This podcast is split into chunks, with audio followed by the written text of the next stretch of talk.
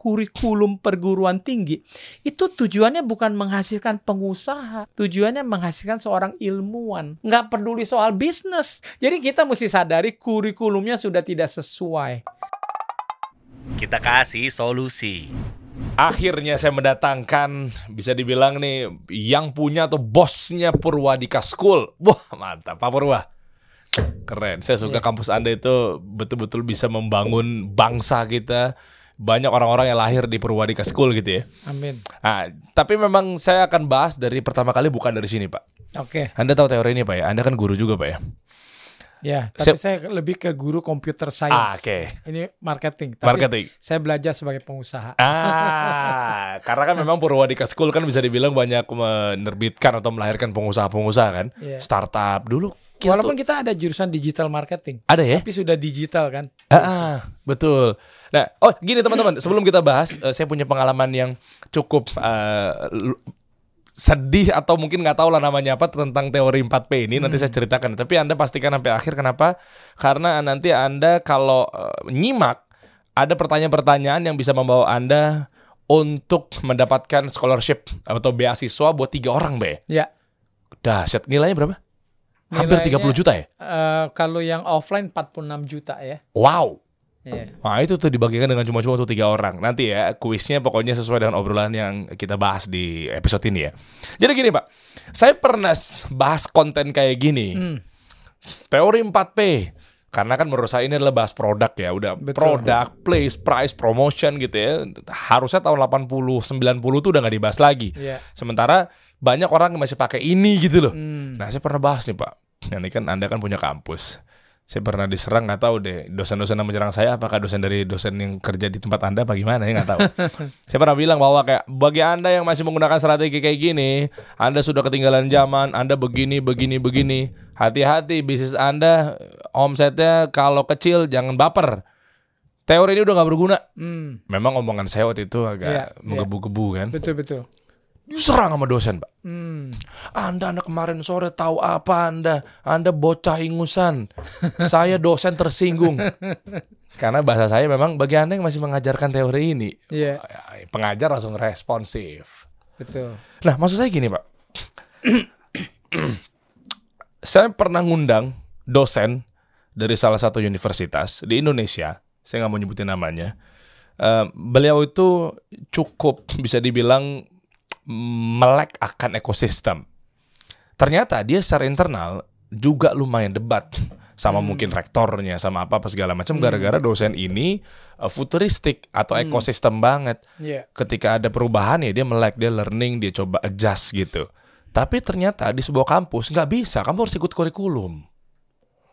Kacamata kuda gitu loh. Makanya Ya, saya datangkan Anda pebisnis-pebisnis zaman sekarang nih bahaya Pak kalau memang masih menggunakan pola-pola lama gitu sih Pak. Betul betul.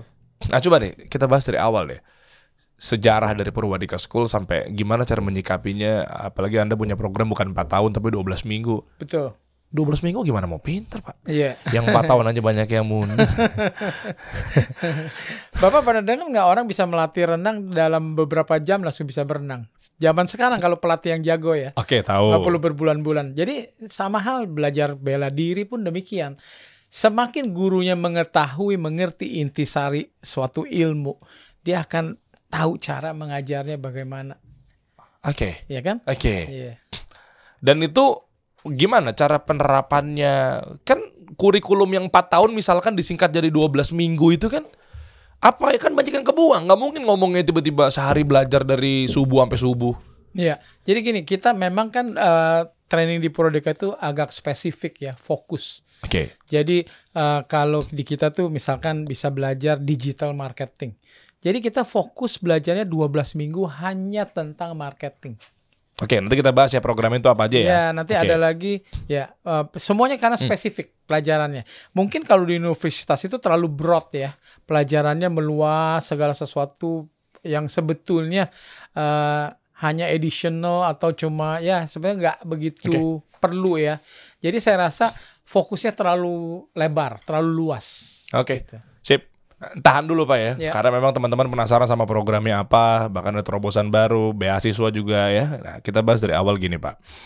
Uh, because people wanna hear people story gitu ya. Orang-orang pengen dengerin cerita orang. Ya, Nah, jadi kita pengen ngangkat kisahnya Anda kan membangun sekolah atau kampus. Nggak tahu, hitungannya sekolah kali ya? Sekolah bisnis ya? ya, it- it's a school ya. Sejarahnya gimana? Dan jadi dulu kan- ya, Oh, jadi mulainya sebetulnya dari saya sejak di bangku SMP. Oke. Saya itu sudah mempunyai cita-cita memang mau pendidikan sekolah. Karena? Gitu. Karena itu mungkin darah dari ayah saya kali ya. Karena Heeh. dia dari muda umur 17 tahun sudah jadi guru. Wow. Mungkin ada jiwa guru gitu ya. Jadi Oh, saya memang senang dalam bidang pendidikan. Oke. Nomor satu itu kan. Hmm. Jadi saya mulai mencari tahu kira-kira pendidikan apa yang eh, kira-kiranya baik. Dan akhirnya saya temui bahwa saya jatuh cinta dengan komputer. Nah dari situlah saya mulai cari. Saya harus belajar ke negeri mana untuk belajar komputer yang terbaik. Di Indonesia memang nggak ada. Enggak ada. Zaman saya kan saya lahir tahun 63. Jadi saya lulus SMA tahun 82. Itu masih belum ada. Orang saya kembali dari Amerika tahun 87 aja di Indonesia baru ada kursus yang namanya belajar WordStar, belajar DOS gitu ya. Waktu Ah. komputer PC baru keluar kan Iya, iya, iya. masih sangat dini. Jadi zaman tahun 82 belum ada. Harus ke luar negeri. Ada di Indonesia, ah, ya saya lupa sampaikan. Saya udah sempat kursus eh, komputer dulu di pusat informatika di Wisma Kusgoro. Oke. Dan itu belajarnya pakai mesin besar, mini komputer. Saya belajar waktu itu masih bahasanya bahasa COBOL kalau ada yang udah tahu ya. Tahu. Zamannya tuh dulu gitu, COBOL, ada Fortran, Pascal. Sekarang kan bahasa udah beda. Oke. Jadi saya belajar di situ selama beberapa bulan dan saya sudah berhasil dan sebenarnya sudah ditawarkan kerja di satu perusahaan besar satu grup dulu ditawarkan gaji saya 500 ribu per bulan itu tahun 82 itu Oh, gede beli tuh ya. mobil aja kayak kijang masih mungkin harga 3 juta kan Iya, iya, iya, iya. itu iya. besar banget. Saya hampir tertarik, terpengaruh mau kerja aja, tapi papa saya nggak kasih, nggak boleh, kamu harus sekolah. Jadi saya cari sekolah, akhirnya saya putuskan ke Amerika. Saya sekolah di Amerika dari tahun 82, eh, selesai S1 tahun 85, lalu saya teruskan S2 selesai tahun 87. Saya belum lahir juga tuh. Belum ya? Saya 89 saya. Oh, Makanya bener kata dosen-dosen kampus pernah nyerang saya gara-gara bawa teori marketing baru katanya. Katanya lu anak bawa kencur lo. Ngomong-ngomong beginian lo. Ini kurikulum yang masih gue pakai Iya, di iya, kampus katanya. iya, iya, iya, iya. Maaf Pak dosen, nggak maksud begitu. Oke lanjut. Iya, jadi tahun 87 saya terus kembali ke Indonesia. Nah, waktu saya kembali ke Indonesia, sebenarnya saya ceritanya hampir tidak jadi pulang. Karena saya seorang idealis. Pada waktu saya pulang tahun 85, saya pantau kan keadaan di Indonesia. Saya lihat universitas, sekolah tinggi bisa ada yang di ruko, ya kan? Lalu kualitas kurikulumnya dan segala macam kelihatannya maaf deh ya kalau saya lihat sangat eh, memprihatinkan. Iya. Jadi saya seorang yang idealis, saya pikir kalau saya buka universitas di Indonesia dengan kurikulum yang wah sangat begitu, saya rasa muridnya drop out semua. nah kalau drop out nanti saya bangkrut. Iya. Akhirnya iya, iya. saya kasih tahu orang tua, ah saya nggak jadi pulang dah. Saya buka usaha di Amerika. Saya udah buka usaha konsultan, ada software development, training juga. Jadi saya pikir udahlah mimpi saya yang namanya buka universitas, bahkan tanah sudah disediakan, dikubur sajalah. Saya tidak mau pulang gitu. Ah. Tapi orang tua suruh pulang juga. Ya udahlah saya kembali tahun 1987. Tapi akhirnya buka Purwadika ini sebuah pendidikan non formal ya. Orang bilang kursus. Oke. Tapi waktu saya buka Purwadika, saya membuka program yang namanya Setara S2. Wah, luar biasa. Padahal Itu tempat pun- kursus. Itu juga kontroversial. Orang ada yang tersinggung. Apa-apaan kamu kursus bilang setara dengan S2? Iya kan? Iya betul. Saya bikin tuh pendidikan software design dan hardware design selama 10 bulan. Guru tunggal, saya ngajar. Saya bilang, kenapa itu sampai setara S2? Karena memang materinya materi di Indonesia belum ada. S1 Ah. diajarkan. Sekarang saya juga dulu ajarkan mikroprosesor. Mungkin kalau dulu di Indonesia masih belajar Motorola 6502 gitu ya. Heeh. Saya sudah belajarnya sudah yang eh, Intel 8088 yang dipakai oleh komputer PC yang baru keluar. Wow, sebentar Pak. Beda. Artinya bener dong. Kata stigma-stigma yang beredar adalah Indonesia lima tahun lebih mundur, Indonesia lima tahun lebih terbelakang. Oke. Karena kan begitu Anda ke Amerika, begitu Anda balik ke Indonesia, Pak. Terus ternyata ngelihat berbagai macam lah, kayak kayak masuk ke dalam zaman purbakala gitu loh. Lah, waktu gue di Ma- iya kan waktu di Amerika kan behaviornya pasti beda dong. Pelajarannya, obrolannya, Iya. iya kan, budayanya. Begitu ke Indonesia, emang Indonesia semundur itu, Pak?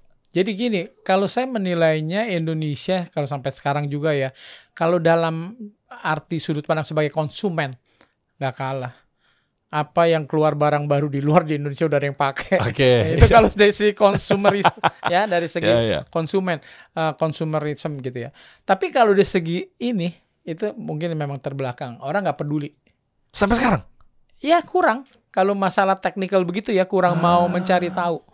Apa tuh Pak alasannya? Ya saya rasa dari culture kali ya, dari SDM? satu budaya, dari budaya. Budaya? Ya, saya rasa dari situ. Karena gini, Amerika itu terkenal sebagai negara inovator. Iya. Mereka kerjanya yang paling penting cari hal yang baru terus. Ya kan? Oke. Kalau dulu tuh zaman kayak Jepang, Jepang inovator, Taiwan kan bikin tiruannya. Iya. Yamaha kan gitu kan. ya. Heeh. Nah, mungkin kalau Indonesia bukan inovator ya, lebih ke tadi eh, ke Follower. user, Oh user. lebih lebih kepada pengguna, ya kan? Ah, Itu.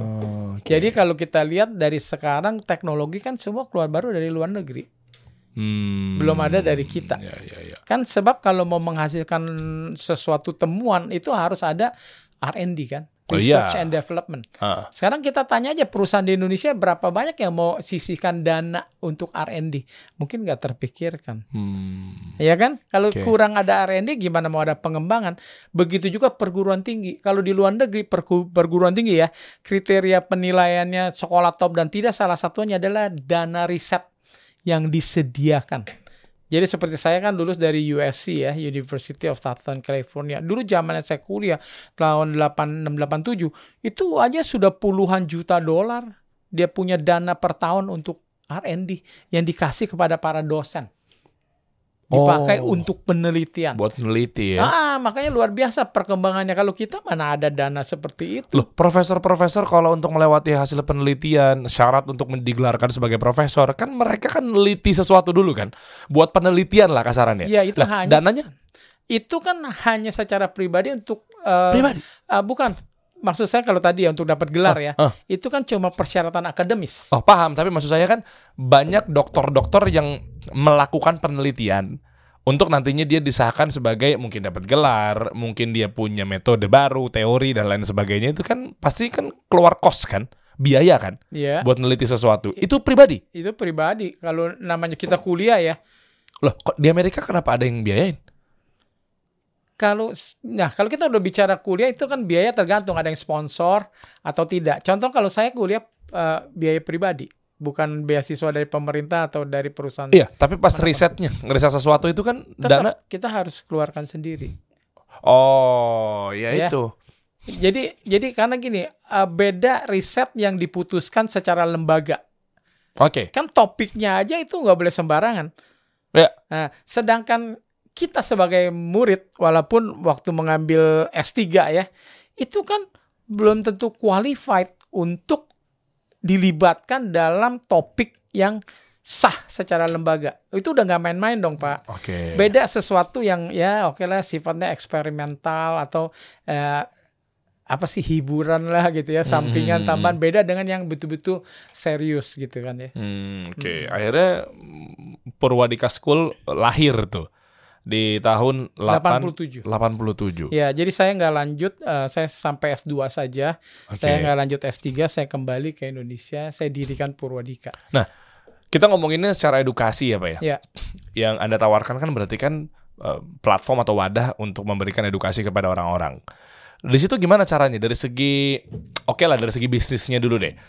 Eh, gimana cara ngukurnya bahwa ini demandnya tinggi banget kalau gue buat sekolah gitu? Oke, Artinya kan di zaman itu kan sekolah juga menjamur juga dong. betul. Nggak tahu ya kalau memang ada berpikir bahwa eh, kita lahir pada saat itu memang kita satu-satunya yang di bidang kayak begini misalnya. Waktu itu udah ngomongin digital belum ada. Terus apa? Sekolahnya apa? Sekolah pengusaha, entrepreneur gitu. Dulu kita namanya adalah Computer Design School. Bukannya banyak ya? Competitive Enggak juga, landscape. Enggak. Sampai sekarang walaupun ada, saya Purwadika menganggap tidak punya kompetitor yang signifikan. Oke. Ya. Oke. Lahir deh tuh. Ya, jadi kalau tadi pertanyaan Dederi ya, Mm-mm. eh, pertama gini, kenapa saya berbisnis di education? Mm-mm. Oke. Kalau saya lihat education itu salah satu bisnis yang tidak ada matinya. Di Oke. samping F&B. Orang kan makan terus. Mana mungkin orang stop makan. Makanya kita bisnis makanan kalau betul you do it right, pasti tetap jalan. Iya. Begitu juga education. Karena saya lihat begini, teknologi nggak mungkin nggak berkembang. Betul. Dengan adanya teknologi baru, kebutuhan training baru. Iya betul. kan alatnya udah baru, caranya baru, butuh lagi belajar. Jadi education tidak ada matinya, ya. Oke. Nah, jadi lalu kenapa saya memutuskan di bidang komputer? Saya sudah bisa mengevaluasi bahwa komputer itu, teknologi komputer itu sudah memasuki segala segi. Mana ada bidang yang nggak pakai komputer, termasuk seni sudah Hmm. pakai. Oke. Rekaman musik segala macam itu peralatannya, softwarenya canggih-canggih itu Mm. tool-toolsnya semua komputer. Jadi tidak ada apa sih section gitu ya, sisi apa pun dalam kehidupan yang enggak dipenetrasi oleh teknologi komputer. Sekalipun pasti pengusaha pasti pakai komputer ya. Oh, udah pasti. Oh. udah pasti. Apalagi dengan berkembangnya sekarang teknologi internet ya. Mm-mm. Sejak internet keluar, cara berbisnis semua berbeda. Oke. Coba diperhatikan. Pertama internet keluar, dia sudah menghubungkan komputer dengan komputer jarak jauh. Terus akhirnya eh, keluarlah yang namanya apa eh, cloud computing, di mana sekarang server-server, ko- komputasi semua terpusat jadi satu dan kita akses dengan melalui jalur internet. Iya. Kita nggak perlu lagi punya fasilitas. Lalu adanya yang mobile computing. Hmm. Akhirnya semua manusia bisa ter- terkoneksi satu dengan yang lain. Ya Iya, kan? Kita iya. bisa chatting segala macam. Di situlah makanya timbul yang namanya internet business. Bisnis yang berbasis internet. Startup-startup. Oke. Seperti e-commerce banyak kan berkeliaran e-commerce ya toh. Banyak lah ya seperti Tokopedia lah, Shopee dan segala macam. Itu semua berbasis internet. Jadi sudah apa ya digital based uh, business ya. Hmm, Oke. Jadi udah dunia udah berkembang. Nah, kalau dunia udah berkembang, harusnya kan dosen-dosen di kampus juga dia melek dong ekosistem. Kenapa waktu kemarin saya bilang bahwa, eh terlepas dari omongan saya misalnya kontroversial gitu ya. Kenapa saya bilang bahwa teori ngomongin produk, teori 4P, marketing mix gitu ya. Kalau saya kan anak marketing ya, itu udah harusnya udah nggak dipakai. Eh malah kenapa dosen-dosen di kampus reaktif? Eh, Gimana menurut anda pak? Ya, saya rasa sih uh, begini ya. Kalau Iya. saya menanggapi uh, sebenarnya gini, saya belajar dari satu pencipta uh, memori komputer. Oke, Itu namanya Dr. Wang dari China. oke. Dan yang saya dapat statement dari dia begini, rahasia sukses adalah you must be adaptable. Nah, Kita harus bisa beradaptasi. Dan orang yang rendah hati saja yang mau beradaptasi. Karena kalau orang yang tinggi hati masa enggak gue udah cukup, gue udah pinter. Udah deh ilmu enggak uh, berkembang seperti apa aku gak mau tahu, aku udah nggak perlu. Nah, itu adalah tidak rendah hati dan tidak Oke. mau beradaptasi. Jadi dengan adanya perkembangan teknologi internet apalagi segala sesuatu berubah. Jadi nggak bisa kalau pendidikan apa pun tidak mau beradaptasi. Sehingga ada satu statement dikatakan begini, go cloud, ya misalkan eh, go digital, kalau kita bilang atau go bankrupt. waduh. Itu itu statement keras sekali. Waduh, waduh, waduh, waduh, waduh, Betul waduh. kan? Iya, iya, iya, iya, Ah. iya, iya, iya. Bill Gates pernah mengeluarkan statement seperti itu, go cloud or go bankrupt. Waduh. Ya ibaratnya sekarang aja bank, coba bank. Kalau nggak mau ada ATM, bangkrut nggak? Bangkrut. Bangkrut. Apalagi Gimana? sekarang udah mau digital segala macam. Digibank. bisa. Karena eh, karena gini, manusia itu semua suka kemudahan. Oke. Iya, Ya iya, tak? iya. Nah, kalau kita bicara sekarang digital transformation, orang bilang ini hanya karena ini enggak sih lagi sedang panasnya. Nanti kita kembali lagi, kan gitu kan? Ah, ah, ah. Kayak bubble gitu kan Iya, ya. iya. Nah, ini tidak, tidak akan kembali. Kenapa? Contohnya begini. Sekarang kita tanya aja sama anak muda, semua pakai handphone kan, Iya. main Instagram. Coba Ah. disuruh stop, jangan main lagi, mau nggak? Waduh, Nggak mungkin. tremor Justru karena tuh. mereka inilah yang menjadi target bisnis. Kan mereka menjadi customer. Oke. Itu bisnis target kan. Iya. Mereka aja behaviornya sudah berbeda. Selalu segalanya online. Sudah nggak baca koran, nggak nonton televisi, kayak gitu-gitu kan. Oke. Mainnya Instagram. Terus kita mau iklan, kan susah. Pemirsanya nggak banyak. Hmm. Mau nggak mau mesti iklannya di Instagram, di Google. Jadi memang karena pasarnya berubah, behaviornya, bisnis pun harus berubah. Makanya para bisnis berlomba-lomba harus bikin aplikasi mobile. Hmm. Apakah itu bentuk untuk customer service-nya? Karena udah nggak zaman customer service komplain pakai telepon. Halo, saya mau eh, enggak dong. Iya, iya, Sekarang iya. semuanya sudah online, ketik aja komplainnya apa-apa semua nanti bisa dilayani secara Iya. digital. Kan udah berubah semuanya. Gini Pak Purwa Iya. ya. Nih seru nih kita obrolan Iya, iya. ini.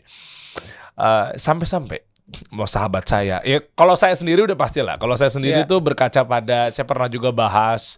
Ya kalau teman-teman tahu alma mater saya ya sudah lah. Tapi kan saya maksudnya bukan menjelekkan alma mater saya atau mungkin Iya. kampus saya. Saya pernah bahas juga. Selama saya di kampus, saya langsung ekstrim lagi ngomongnya. 20% doang dapat ilmu yang untuk mengajarkan menjalankan bisnis saya, 80% saya temukan di luar. Rame.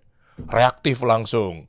Lu nggak berterima kasih lo sama kampus lo lah misalnya kayak gitu loh. Bukan. Di situ mau ngasih tahu bahwa ayo dong sedikit lah kurikulumnya misalkan disisipin yang kayak begini karena ekosistem sudah berubah. Teman saya, bahkan akhirnya saya jadi kayak mulai-mulai ikut-ikutan. Untuk anak saya nanti misalkan.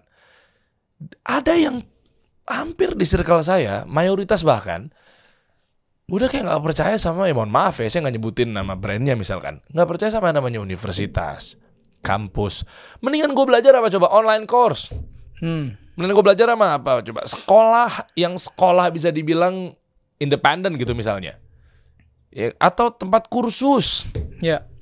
Ya kan? Atau mungkin sekarang banyak guru-guru saya, buku-bukunya yang saya baca gitu, Simon Sinek, Derek Shiver, Bill Jane, Gary Vaynerchuk gitu kan, John Marie Drew. Mending gue belajar dulu buku-bukunya itu kok. Nyatanya juga gue jalan Ya, bisnis ya, pakai ya, itu ya, kok. Ya. Gimana ya Pak ya? Ya. Jadi sebenarnya gini, ini bahkan eh, saya pernah baca ya sebuah jurnal dari Harvard Business School, Oke. ya sekolah yang terkenal. Bahkan dikatakan bahwa perguruan tinggi di Amerika tuh harus dirombak, harus didisrupt. Oh, ya? Nah, itu satu Ah. hal yang mengejutkan ya. Itu Marie Drew tuh, Betul, disruption. Ah, ah, Ya, kan? disruption. Ah. Jadi kenapa katanya begini? Sekarang kenyataannya banyak tamatan universitas mereka menganggur, susah dapat kerja. Ah, kan? Itu pertama ya. Oke. Jadi yang menjadi pertanyaan loh kenapa jadi nganggur? Karena rupanya para employer yang membutuhkan tenaga kerja, mereka mencari tenaga kerja yang skillnya bagus, yang mempunyai kemampuan kebisaannya banyak. Sedangkan para tamatan universitas bisanya sedikit, tapi pengetahuannya dalam bahkan 10-20 tahun ke depan. Oke. Jadi ada gap kan yang besar. Nah, jadi kalau tadi dibilang kenapa nggak berkembang, sebetulnya kita nggak bisa salahkan sepenuhnya kepada sekolahnya. Kalau saya lihat adalah mereka tidak menyadari bahwa kurikulum, terutama di Indonesia juga ya, kurikulumnya nyontek ngikut apa kurikulum di Amerika. Oh gitu. Iya kan? Iya, Kalau iya, kurikulum S1, S2, S3 kan kurang lebih dari negara maju. Dan mereka tidak sadari bahwa kurikulum perguruan tinggi itu tujuannya bukan menghasilkan pengusaha. Tujuannya menghasilkan seorang ilmuwan. Makanya semua ilmu yang dicekokin itu adalah tujuannya supaya dia nanti setelah lulus S3 menjadi seorang ilmuwan, meneruskan gurunya, melakukan penelitian, mengembangkan ilmu lagi. Nggak peduli soal bisnis. Seorang Ah. ilmuwan mana peduli bisnis, kadang-kadang telat makan dia kan. Yang penting pokoknya kutu buku. Jadi kita mesti sadari kurikulumnya sudah tidak sesuai. Nah ini harus disadari pemerintah sebenarnya. Kita harus ganti kurikulum.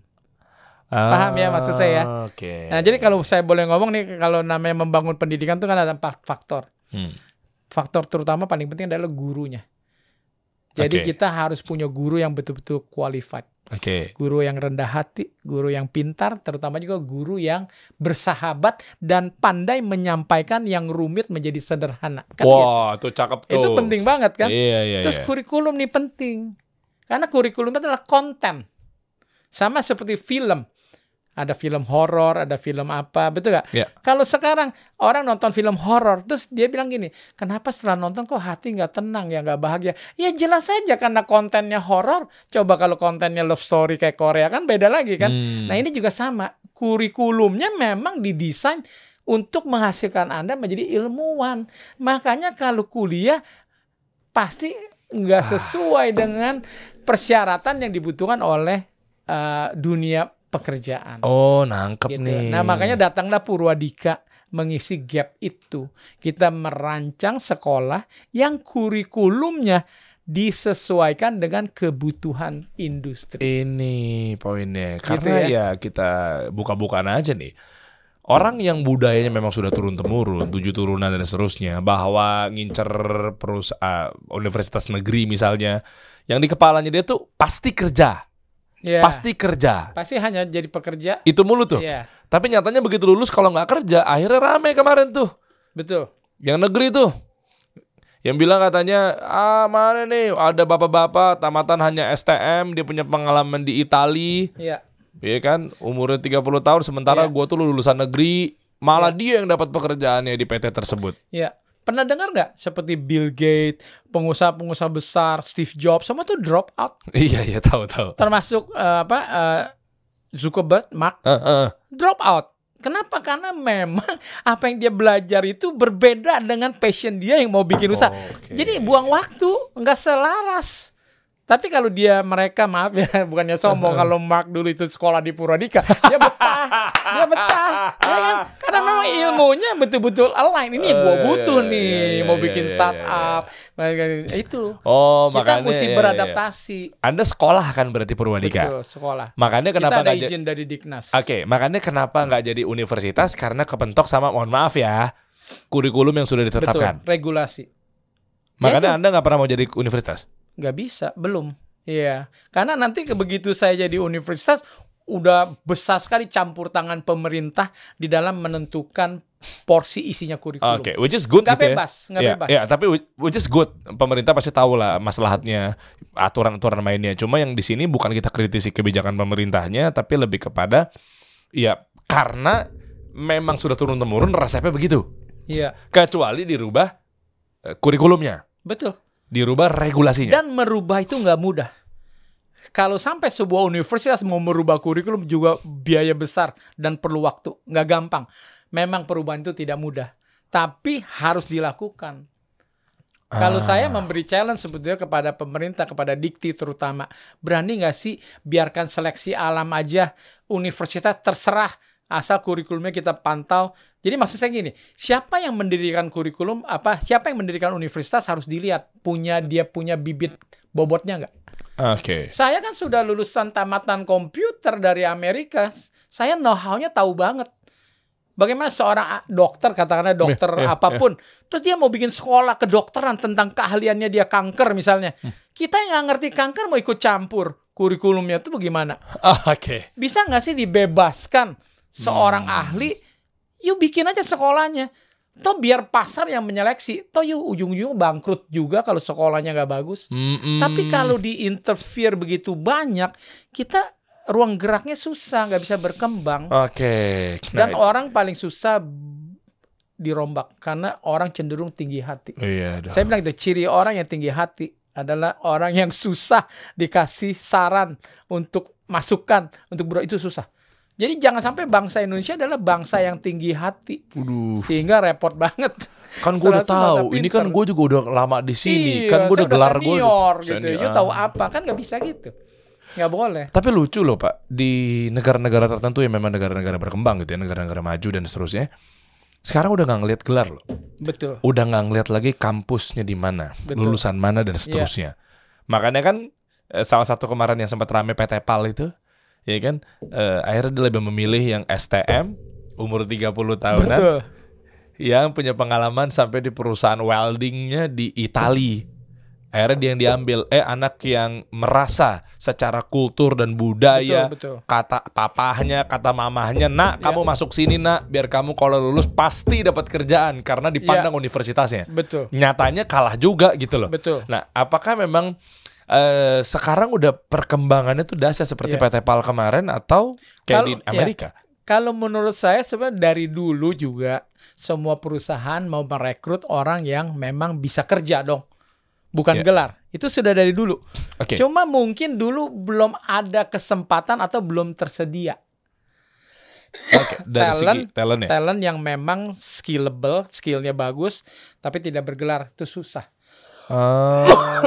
Jadi ibaratnya gini, kita mau mencari yang lumayan terbaik dari yang sebetulnya tidak baik semuanya kalau saya mau ngomong. Hmm, Jadi semua yang ngelamar nih semua nggak ada yang ready to use. Semuanya walaupun nilainya A lah 100 whatever mata kuliahnya saya lihat nggak hubungannya, nggak ada hubungannya sama uh, pekerjaan yang nanti dia akan bekerja. nggak ada relasinya. Cuma ya kita nilai gini aja. Oh berarti dia tekun nih kalau nilainya bagus. Berarti dia Oke. pinter. Ya udahlah kita pakai. Karena memang no choice, nggak ada pilihan lain. Tapi sekarang contohnya maaf ya, Purwadika sudah menghasilkan alumni walaupun ada yang S1, ada yang cuma lulusan SMA. Itu sudah menjadi lebih diprioritaskan. guru Bukan oleh si pemakai tenaga kerja. Paham, cuma maksudnya pengajarnya itu apakah Anda sama seperti kita ngomong Purwadika School ya? Iya ya, kita Ah. ngomongin lulusannya nih Iya, tadi lulus- kan ya. oh, lulusannya Yang ya? dengan tadi kayak pengalaman PT PEL kok eh, nggak ada gelar tapi kok bisa diterima. Ah, ah, Nah, jadi sekarang lulusan Purwadika juga nggak mementingkan gelar siapa saja, walaupun muridnya ada yang sudah lulus S1, Ah, S2, tapi bahkan yang baru lulus SMA, tetapi lulus, ibaratnya walaupun nggak ada pendidikan formal, mungkin juga SD lah ya, oh, tapi umur sudah senior bisa lulus di Purwadika, dia masih tetap menjadi preferable diterima kerja oleh banyak perusahaan. karena ininya. Iya, karena skill.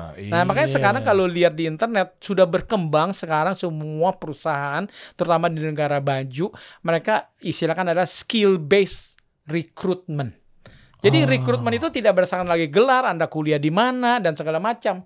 Yang penting saya mau tahu skillnya aja. Ini saya butuhnya ini saya tes. Bisa nggak? Oh bisa, ya udah kerja. Ah, nih pas banget kalau gitu. Saya boleh bedah eh, Boleh, boleh silakan. Purwadika School boleh apa Iya, ya? iya. Coba saya tes dari awal deh mungkin gini. Anda guru-gurunya di situ mm, terimanya rekrutmennya dari lulusan mana? Kita guru-guru itu praktisi. Kita nggak pernah melihat gelar. Ah, nih saya tadi nungguin itu Iya. tuh. Kalau tadi misalkan Anda bilang kayak oh guru-guru kami harus S3 karena memang yang enggak. namanya dosen atau guru ya harus doktor. Mungkin kita bisa debatnya panjang tuh, Pak. Iya, iya, iya, karena jaminannya dari mana? Betul, betul. Ketika S3, mohon maaf ya, tanpa mengurangi rasa hormat buat para guru-guru atau Anda yang bergelar atau akademisi ya S3 gitu ya. Iya. Tapi nyatanya kan bukan itu yang dibutuhkan. Tapi kalau hal-hal rumit yang ternyata juga sulit dipahamin sama murid, ya buat apa gitu? Iya, mungkin tegasnya gini aja, eh, para lulusan akademisi walaupun S3 nggak bakalan cocok ngajar di Purwadika. Dia cocok ngajar di perguruan tinggi. Karena emang itu sudah dia punya ekosistem. Ilmu yang dikuasai Ah. semuanya kan berupa teori segala macam kan ya, lebih cocok di situ. Kalau di kita kan praktisi, Pak. Nah, itu lebih yang, praktikal. yang kita cari Jadi tuh. yang cocok adalah orang yang memang sudah bekerja di industri. Misalkan dia kerja di Ah. Gojek sekian tahun, dia kerja di Topet, itu yang cocok untuk jadi guru kita. Justru makanya kalau ada pelatihan kayak begitu, maaf ya, saya lebih memilih untuk belajar sama praktisi. Betul. Beneran, saya terus terang aja yang lama di Gojek tadi, di Shopee dan seterusnya. Memang mereka praktekin. Betul. Tapi ya maaf maaf nih, nggak semua dosen begitu ya. Iya. Daripada saya belajar atau mungkin kalau misalkan saya dapat kesempatan untuk mau kuliah lagi atau mungkin nambahin gelar gitu, mau nam- nambahin skill, mendingan saya pilihnya kayak begitu-begitu. Ya misalnya salah satunya tadi adalah Purwadika School atau ya online course. Ya karena praktikal gitu loh, aplikatif. Betul. Karena yang memang dibutuhin itu apa lagi? Iya. Ya bagus sih belajar sama memang yang perguruan tinggi yang keren, Iya, yang dosen karena di segala macam. perguruan tinggi itu memprovide mem- memberikan knowledge kepada kita dan knowledge yang 10 tahun ke depan. Ngerti Pak ya? Oke, Knowledge yang nggak betul-betul yang sekarang dibutuhkan. Kan beda, Pak. tapi kan bagus juga kali ya. 10 tahun ke depan kan bagus. Ya itu untuk R&D bagus, Pak. Jadi kita nggak bilang sepenuhnya nggak bagus. Oke, Cuma sepakat. maksud saya gini, eh, kalau dia belajar mungkin teknik mesin, dia bicara masalah mendesain mesin zaman nanti 20 tahun ke depan yang bisa terbang dan segala macam. Tapi kalau saya perusahaan mobil, Pak, saya lagi nggak ngomong bikin mobil terbang, terlalu jauh, ya kan? Iya, saya butuh yang sekarang nih, mesin yang sekarang lagi mau pakai elektrik, pakai apa sih, ibaratnya hybrid. Eh, Tolong dong, gimana desainnya supaya betul-betul bagus dan segala macam. Ilmunya nggak ke situ. ya cari praktisi kalau itu. Heeh. Makanya solusinya Purwadika Digital School Iya, ya. betul. Kalau Kita- sekarang berarti fokusnya ke mana Purwadikanya? Ya, Dulu jadi- kan waktu pernah ngobrol di radio, kalau mungkin Anda ingat, ya, eh, Purwadika kan dulu startup Iya. school. ya. Kalau sekarang gimana? Mungkin kita bahas. Ya, kita detail. sekarang sudah nggak fokus ke dunia startup, ya. Kenapa? Kan sekarang lagi menjamur. Eh, walaupun menjamur, jadi gini, saya tidak menentang dan saya mendukung kalau mau buka bisnis harus bisnis berbasis internet, karena dia punya luas pasar, pangsa pasarnya dan potensi untuk bisa berkembang menjadi kaya lah gitu ya. Itu harus internet bisnis. Sebab kalau anda buka bakmi, toko bakmi ayam gitu ya, hanya di satu mall, ya kekayaannya sejauh mana sih? Masa sampai orang Surabaya, orang dari mana-mana mau datang nggak mungkin kan? Oke. Tapi kalau kita online, kita mudah menjangkau seluruh Indonesia, bahkan seluruh dunia. Tapi kan nggak mungkin beli bakmi orang Surabaya terus Gojek dari Surabaya ke oh iya, Jakarta juga, Pak. tergantung dari produknya kan, tergantung dari produk betul. Oh, tapi minimal Cuma mudah dijangkau. maksud saya setidaknya gini, menjual secara offline dengan online itu skop potensial untuk uh, profit dan market share-nya gitu ya, uh, apa sih outreach-nya gitu ya, market Hmm, reaching-nya itu lebih besar yang online. Oh, makanya sempat ramai tuh berita kali ya. Kayak gini bukan, Pak? Ketik dong, Tanah Abang teriak Iya, ya, ramai tuh ya. Coba Betul. Tanah Abang teriak live gitu misalnya. Karena kemarin sempat ramai pedagang-pedagang di Tanah Abang sepi. itu dia teriak karena dia sudah coba go live, Iya. masih gagal. Masih gagal. Tapi sebenarnya what they are doing is on the right track. Mereka harus go online, harus Salahnya di mana? Berarti harus belajar ke Purwadika Betul. School di sisi yang mana nih? Digital marketing misalnya? betul. Ah. Semua itu ada strategi kan, Pak. Bukan cuma online cuap-cuap. Ah, ah, Iya, bet- kan? ah, keren. Dan di Purwadika School diajarin ya? Iya. Cakep. Kita ajarin Mana coba? Nah ini nih nih nih. Nah, Betul. itu dua hari yang lalu tuh bisnis.com. Pedagang Tanah Abang menjerit live Iya. shopping sepi penonton, toko tak ada pengunjung. Waduh. Gimana Makanya solusinya? mereka hanya menggunakan teknologinya. Yang penting mereka kira udahlah online pakai internet, pakai Zoom atau pakai kamera kan gitu kan. Ya, ya, ya. That's it. Bahkan kaya kan nggak bisa begitu. Semua kan ada cara-caranya. Coba caranya kasih tahu dong, jangan 4 tahun Pak, kelamaan 12 minggu coba. Iya. Gimana caranya? Apa yang saya dapat? Jadi kan begini Pak, Eh. namanya bisnis itu kan melibatkan kita punya target adalah manusia. Oke. Dan biasanya kita harus kenali behaviornya manusia di tempat kita berjualan. Kan Setuju. setiap orang beda. Betul. Pasar di Amerika dengan pasar di Hong Kong dengan pasar di Jakarta, Surabaya aja beda pasarnya sama Jakarta. Iya. Jadi itu yang mereka mesti mengerti bahwa cara penyampaian aja dengan orang Jakarta dengan ke orang Surabaya pasti ada cara yang berbeda. Iya. Nah itu yang mungkin salah satu contoh ilmu yang mereka nggak kira. Pikir yang penting pokoknya asal online selesai. Kan gitu Pak. Kan pakai ilmu kali sebelum beramal mah ilmu dulu. Betul. Jadi kalau mereka gagal supaya perlu diselidiki. Bisa juga tadi ngomong marketing. Bisa jadi produknya jelek Pak. Ya makanya walaupun online orang nggak mau beli. Bisa jadi mungkin price-nya ya kan. Atau mungkin masalah trust yang mereka nggak ngerti bahwa untuk bisa deal satu transaction mereka harus gain the trust. Mungkin Oke. waktu mereka ngomong online udah nggak meyakinkan cara ngomongnya atau bagaimana itu tuh banyak sekali pak. Oke. Ya tah. Iya, iya, Sesimpel iya, iya, iya. mungkin orang yang waktu online ngomong menjajakan produknya aja orangnya perlu kan pak Mm-mm. cara berpakaian segala macam. Iya, Ya kan, iya, iya, seperti iya. itulah itu hal-hal yang simpel. Jadi eh, melakukan bisnis itu ya banyak faktor, nggak bisa sesederhana Iya, itu. iya. Makanya mereka harus bersekolah. Nah itu Gitu penting ya, itu ilmu teman-teman. Iya. Nah terus gimana program anda yang katanya ditawarkan di Purwadika School gitu ya, Iya. yang dibanding sama orang-orang mungkin kuliah atau mungkin belajar 4 tahun, tiga tahun, sampai ada punya program yang luar biasa, kontroversi juga menurut saya, Hmm. kok memangkas waktu-waktu pembuangan waktu tenaga pikiran itu menjadi 12 minggu, which is 3 sampai 4 bulan Iya, maksimal gitu. iya. Belajarnya tapi tiap hari, Pak. Apa yang didapat?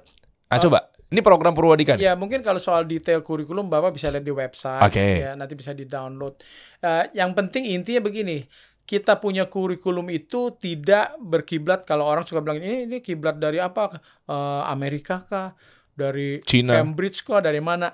Saya kiblatnya ke industri, Oke. ya. Jadi ibaratnya begini mungkin ya.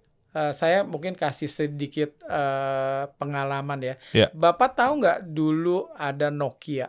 Tahu. BlackBerry. Tahu lah. Sekarang ke mana Pak? Tenggelam. Ah, ya kan? Sudah oke. tenggelam kan Pak? Iya, iya, iya. Eh, kenapa dia tenggelam?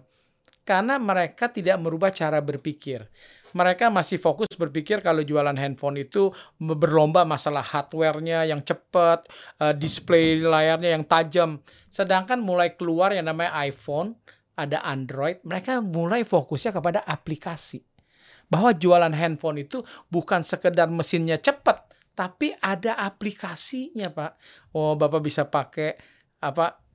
Tahu kan? Oke, banyak ah, ada Banyak lah aplikasi WhatsApp, softwarenya betul. eh, kan ada Ya kan? ada ya, Facebook dan ya, intinya terkoneksikan atau tersinkronasi dengan behavior.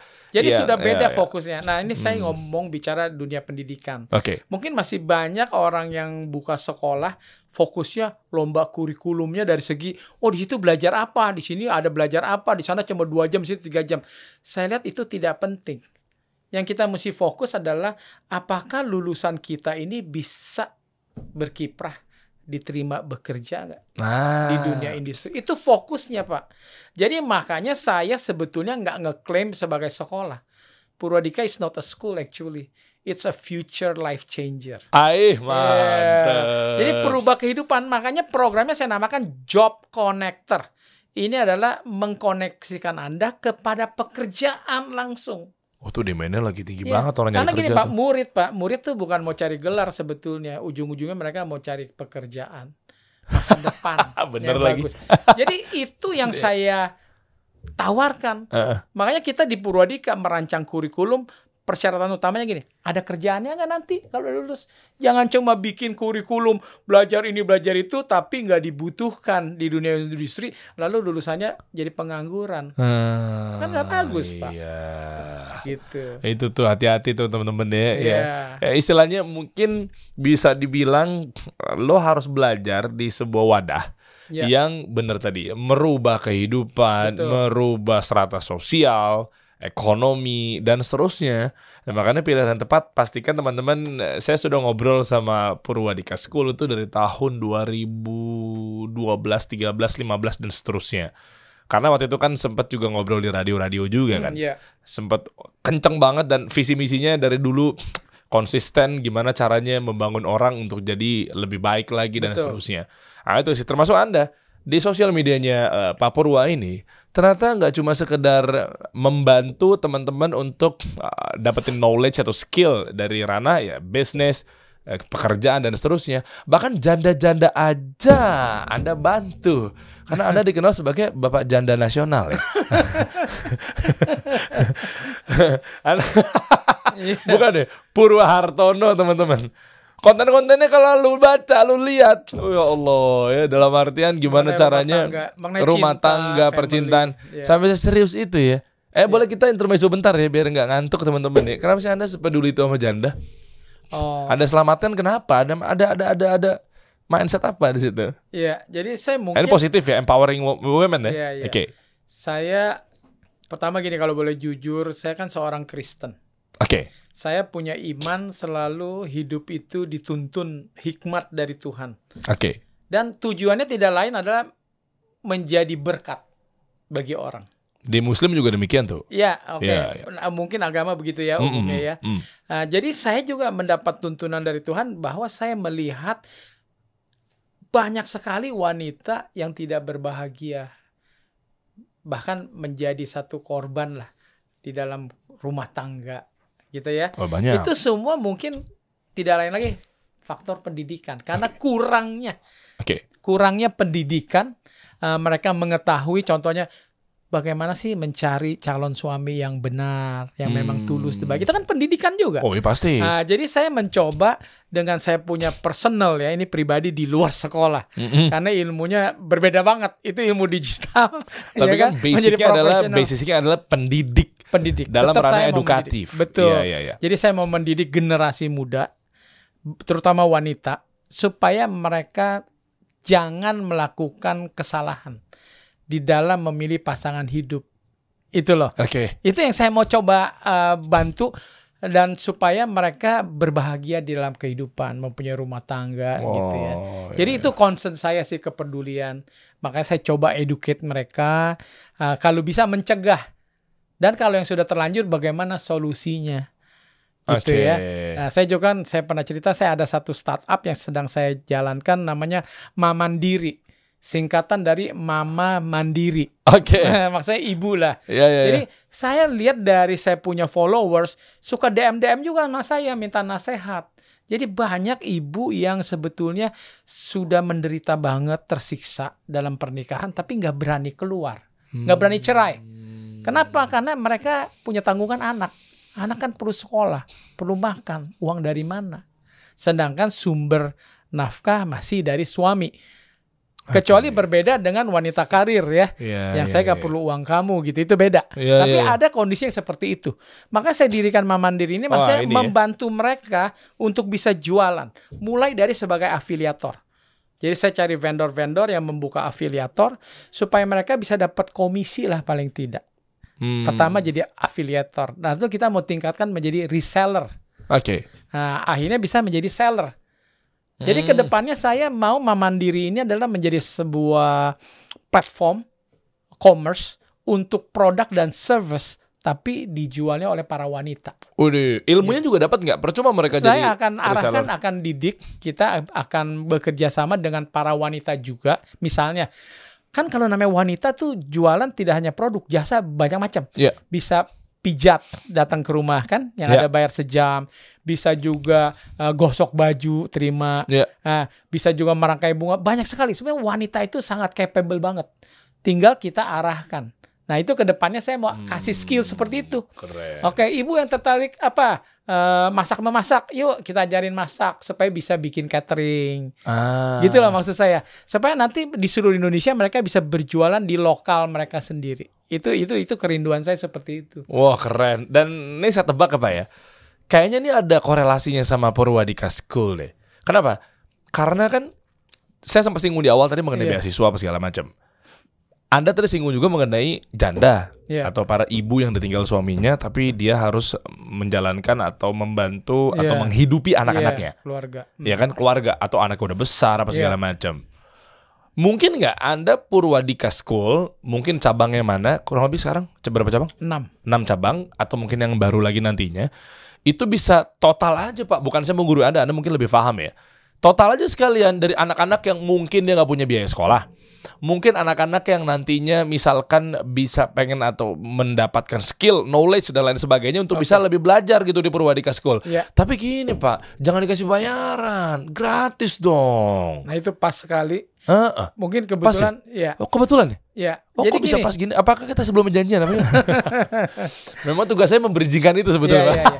Saya juga sebutnya ada dua ya yang saya mau kasih tahu. Pertama saya ada yayasan. Oke, Saya yayasan Bangun Nusantara. oke. Ini khusus membantu anak sekolah tingkat SD sampai SMA. Wow. Saya biayain mereka sekolah. Kita Free kan? Free. Nah, Tapi cakep. sekolahnya di mana saja terserah. Iya kan pendidikan yang penting Iya, udah dapat iya. free alhamdulillah. Nah, terserah mereka sekolah di mana, tapi persyaratannya mereka harus rata-rata nilai 8. Jadi orang eh, murid-murid yang peringkat nih Pak, peringkat 1 sampai 3 Uh, saya biayai mereka sekolah. mantap. Dari mulai SD sampai lulus SMA gitu. Nah, setelah lulus SMA, saya maunya mereka lanjut di Purwadika Bayar nggak? gratis. Ay mantap. Iya.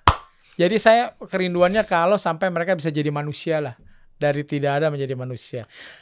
Nah ini, ada baru. satu lagi berita yang khusus Uh-uh. sehubungan dengan pendidikan Purwadika. Oke. Untuk cabang kita di Batam, Heeh. mulai Januari nanti kita akan buka sebuah eh, apa ya model bentuk yang kita namakan Digital Talents Incubator. Wah inkubator, nih. Inkubator. Jadi nama Mantap. inkubator kan penghasil kan. Iya. kita akan menghasilkan talent eh, pelajarannya pakai bahasa Inggris. Oke. Jadi harus pintar bahasa Inggris. Tujuannya mensuplai kebutuhan bukan hanya Indonesia, Pak, tapi seluruh Asia dulu, terutama. Bahkan saya mau sampai seluruh dunia. Oh, pantesan Batam karena dekat Malaysia, dekat Dekat Malaysia, Singapura akan Singapura. lebih mudah aja kita Betul. ekspansi ya. Jadi nanti 100% gratis, nggak Wow. bayar, dikasih tempat tinggal, dikasih makan. Jadi tahu beres. ini baru Purwadika. Tapi harus lulus. Lah iya kan kalau Iya, memang iya. udah sekarang gini Pak, saya malah suka. Anda syaratnya adalah harus lulus. Iya, Sementara mereka pasti punya pressure dong. iya. Mereka pasti punya beban, let's say. Gue udah digratisin kalau gua macem-macem, selesai nih gue nih. Betul. Nggak Kita ada, seleksi sih. Ah, iya kan? Seleksi. Nah, keren banget Purwadika nih. Nah, nanti murid yang kita undang bukan hanya dari Indonesia tapi dari Singapura, dari Malaysia. Mereka belajar ke Batam. Nah, nanti tinggal diekspor balik keluar bekerja. Jadi intinya kita menjadi inkubator, Pak. Karena eh, di, di, diprediksi kalau di di internet saya mau dikasih tahu kebutuhan sampai 85 juta digital talents sampai tahun 2030 gede banget. besar banget kebutuhannya pak makanya kita coba berpartisipasi jadi ini ini klop banget nih dari faktor sosial sama faktor bisnis Ya. jadi sosialnya saya juga kena bantu orang-orang yang pinter tapi mungkin kendala biaya Ya. sehingga dia bisa dapat kerja yang bagus loh pak gajinya Oh iya, iya. oh berapa kali UMR tanpa biaya asal rajin kan itu yang saya minta nih tekadnya itu Saya coba coba menanggapi dan Iya. apakah ini nyambung atau tidak ya. Ya mudah-mudahan sih ini sejajar gitu ya. Eh, di California, Iya. Amerika itu ada namanya Silicon Valley. ya Jadi isinya tuh Apple, ya brand-brand gede Iya, banget iya, pada iya. ngumpul, brand-brand digital Iya. atau startup tech company ya ada di sana. Ya Kan Anda juga sering keliling Amerika Iya. ya. Tahu lah pasti kan ada ada Silicon Valley. Terus kemarin saya ngobrol sama ya bisa dibilang levelingnya udah manajer marketing ke atas lah, manajer ya. ya Eh, Sinarmas. hmm. Jadi dia ini akan buat terobosan namanya Digital Hub. Dia mau bangun sekitar mohon maaf eh, bro kalau eh, salah ya 26 hektar kalau nggak salah bahkan itu bisa lebih. Digital Hub jadi di sananya Debris eh, da- Cakra dan lain kita sebagainya. di sana di Debris Ah ya. kita bagian dari digital hub nanti Nah, pas banget. Kemarin saya habis meeting. Pak Yonas ya Ah, kita. Iya bener, ya kan? Iya, Jadi iya. kasih solusi juga dilibatkan. Alhamdulillah gitu dipercaya dari sisi media partner gitu kan. Kemarin kita bareng sama Mekari, bareng sama Sinarmas, ya Hmm. Sinarmas Landnya kan. ya Nah ternyata eh, podcastnya juga udah tayang. Kita kemarin main di sana, meeting, Hmm. briefing dan lain sebagainya. Sehingga ini menjadi eh, panggilan tadi yang anda sempat singgung mengenai 85 juta kebutuhan ya pekerja digital dan lain sebagainya. Apakah ini adalah salah satu ekosistem yang nantinya Anda mau garap kenapa Anda mau ngasih gratisan di Batam, Purwadika School yang cabang sana, memberikan satu wadah ruang untuk mereka bisa belajar mm, bibit-bibit teknologi dibangun, digitalisasi dan lain sebagainya sehingga untuk menyuplai ke tempat digital hub tersebut. Ujung-ujungnya apa coba? Lihat deh kota yang nanti akan dibangun sama Sinar Mas Land di sana gitu ya. Bukan saya promosikan Sinar Mas Land, Ya. tapi beneran lampu merahnya pakai AI, ada kehidupan teknologi Betul, berkembang di sana sehingga membang, membantu ekonomi Indonesia. kita ini di Batam ini di fasilitasnya Sinar Mas Land juga Pak Ah, yang pas kan? namanya Nongsa Digital Park jadi itu semacam digital hub tapi di Batam Wow. wow, wow, ya jadi wow, kita wow. juga di situ juga ada tetanggaan sama Apple Academy jadi di situ Ah. memang sudah ekosistem ya Pak dibangun Hmm, sangat cocok. Cocok. Mm-mm. Pantesan saya duga-duga nih emang saya bukannya apa ya ternyata saya intip-intip nih kayak gini rasa-rasanya nih nadi-nadinya darah-darahnya darah-darah sinar mas nih kayaknya. Iya kan ternyata benar karena gaya-gayanya memang tadi benar-benar mau membantu program pemerintah ekosistem ekonomi bangsa gitu kan lewat pola-pola seperti itu cocoklah di Batam kapan Pak kalau boleh tahu Eh, di Januari tahun depan jadi teman-teman bisa Jadi daftar ren- sekarang nggak rencana kita launchingnya Oktober ya bulan depan untuk dibuka Oh. pendaftarannya cakep dan nih. programnya mulai Januari tahun depan Cakep. Jadi saran Anda, eh saran saya teman-teman, coba mungkin ada nggak informasi lebih lanjut? Satu-satu dulu nih ya. Ini Iya. kalau ngomong Purwadika nih kayaknya nih full of knowledge gitu loh. Coba deh satu-satu dulu nih ya. Ini mau yang dari mana dulu nih Pak? Dari yang Purwadika School yang beasiswa dulu atau yang di Batam dulu nih? Apanya tuh? Eh, pembahasan kita untuk saya bantu teman-teman untuk mungkin pengen tahu cari tahu lebih dalam. Oh terserah bapak. Batam dulu aja ya. Tadi Ya, udah boleh, sampai boleh. eh, sini udah dibahasnya Iya. seputar itu soalnya. Coba kita ke Batam ada informasinya ada di web atau gimana? Ada ada nanti teman-teman cek aja di linknya purwadika.com. Ya kita sekarang udah beroperasi cabang di Batam Udah ya? untuk program yang reguler, job connector, yang di mana siswa bayar sendiri. Oke. Tapi nanti di Batam itu saya akan buka khusus yang namanya Digital Talents Incubator. Modelnya berbeda. Nah, pendaftarannya di Oktober itu. Ya, kita akan mulai buka. Ah, bentar lagi nih teman-teman. Iya. Ya nggak tahu di postingan ini Anda nontonnya sampai sampai tanggal berapa nih sekarang nih? Ya Iya. kan? Ya persiapan aja nih Okto Oktober dan runningnya Januari. mulainya. Jadi Oktober sampai Desember itu penyeleksian. Ah, I see. Siapa yang lolos? Oke. Kita cari 100 orang. Oh, oke. Ah, ini ya. Ini kan ada full stack development. Ya, ini yang bayar yang biasa. Ah, oke. Tapi nanti kita Digital Talent Incubator. Jadi belum di launching nih. Ini masih kampus seperti biasa sekarang. Ini kan ada videonya cabang kita di Batam, satu gedung sendiri, dua lantai. Ah, Oke. Eh, ini masih seperti cabang lainnya. Oke. Tapi mulai Januari dia berfungsi khusus menjadi Talents Incubator. Wah, keren. Jadi bukan menjadi sekolah biasa Iya, yang iya, terima iya. murid daftar, tapi khusus menjadi talent incubator. Kita rekrut dari seluruh Asia, murid-muridnya gratis kayak tadi. Mantap. Gitu. Jadi kalau berbicara tentang Purwadika nih teman-teman deh. Jadi Purwadika itu memang sudah dikenal dari waktu saya zaman radio dulu sampai sekarang itu betul-betul bisa membantu teman-teman semua untuk lebih tingkatin investasi leher ke atas tuh. Lihat Iya. buktinya. Ya. Purwadika Kampus ini atau Purwadika School kuasai keahlian digital secara tatap muka langsung dengan pengajar dan raih kesempatan berkarir di seribu lebih perusahaan teman-teman. Jadi itu bisa dibilang memang eh, praktikal. Jadi langsung bisa dapat ilmu, insya Allah juga potensi dapat kerja karena memang yang ngajar juga para praktisi. Betul. Itu yang paling penting itu. Nah, ada yang paling penting lagi Pak dari yang terpenting Pak yang mereka tungguin dari awal Pak. Beasiswanya mana? Iya, iya. Tiga orang. Iya, itu kesempatan. Ah, coba boleh mungkin Anda bisa kasih pertanyaan atau quiz. Oh, nanti mungkin ya Ah, ah. kita akan buka pendaftarannya secara online khusus yang beasiswa tiga orang ini ya. Ah, coba. program kasih solusi ini kan. Ah, boleh coba. nanti kita akan kasih pertanyaan-pertanyaan ya, tentunya dirahasiakan Oke. dan jawabannya bisa didapat di mana dari pembicaraan kita selama ini. Nah, Iya, oke. gitu. Jadi teman-teman pastikan ya di deskripsi kalau sekarang nonton di YouTube gitu ya, atau mungkin di Instagram ada di caption penjelasannya. Intinya teman-teman cek nanti di situ ada kolom pertanyaan ya. Kayak Iya. semacam eh, ya program quiz ya. Ya, Nah, nanti Anda eh, simak aja pertanyaannya eh, seperti apa atau mungkin Pak Purwa mau ngasih tahu pertanyaannya apa ikutin di program itu aja ya. ikut aja. Nanti Oke. pasti kita atur ada link Betul. sebuah form lah dia Yes. bisa isi pertanyaan dan jawaban. Ya, Nanti paling ada koreksinya kan, Iya. penilaiannya betul. benar berapa gitu kan. Iya betul. Jadi di bawah tuh ya udah kita siapin description ada link. Nanti teman-teman masuk aja ke dalam sana. Ada program beasiswa untuk tiga orang yang nantinya berhasil menjawab. Tentunya anda nanti akan mendapatkan satu pengetahuan wadah ruang yang bernama Purwadika School. Jadi bisa kuliah berarti beasiswa gratis dong harusnya dong. Iya, Ya kan? Nah, seperti apa pertanyaannya? Cek aja nih cepat-cepatan ya, ya. Jadi siapa cepat dia dapat, klik aja di bawah, pantengin dan pertanyaannya itu seputar dari obrolan kita yang sejauh ini sudah berjalan. Iya.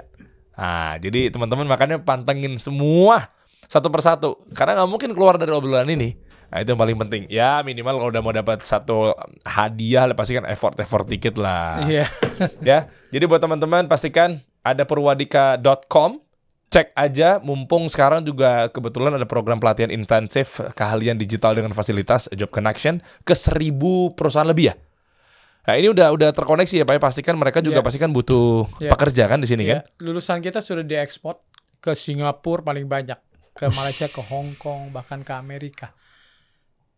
Walaupun tidak hanya di luar ya, Iya. paling banyak memang masih di Indonesia. Nah, justru kan untuk ngebangun ekosistem di sini Ya, dulu Pak. kendalanya sebetulnya kenapa mereka nggak bisa keluar adalah bahasa Inggris, Ah. kemampuan komunikasi. Iya, Makanya iya, yang iya, tadi iya. saya katakan inkubator di Batam itu syaratnya harus bahasa Inggrisnya bagus. Tapi kalau agak-agak jelek nggak bagus-bagus amat, ya nggak usah mindsetnya nggak usah grammar, grammar banget lah, vocabulary lah. Tapi suap programnya ngajarnya pakai bahasa Inggris, Pak.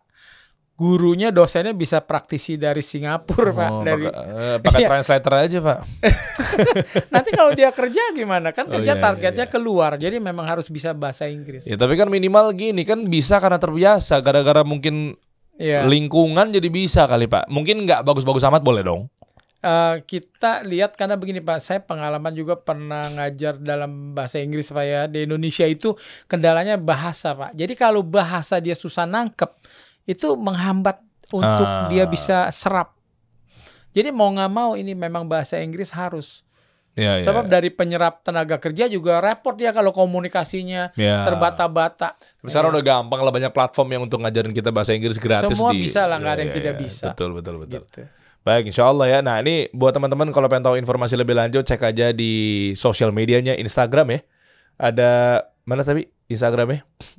Nah itu Purwadika School ya. Atau mungkin kalau mau nanya-nanya sama Pak Purwa bisa langsung ke IG-nya.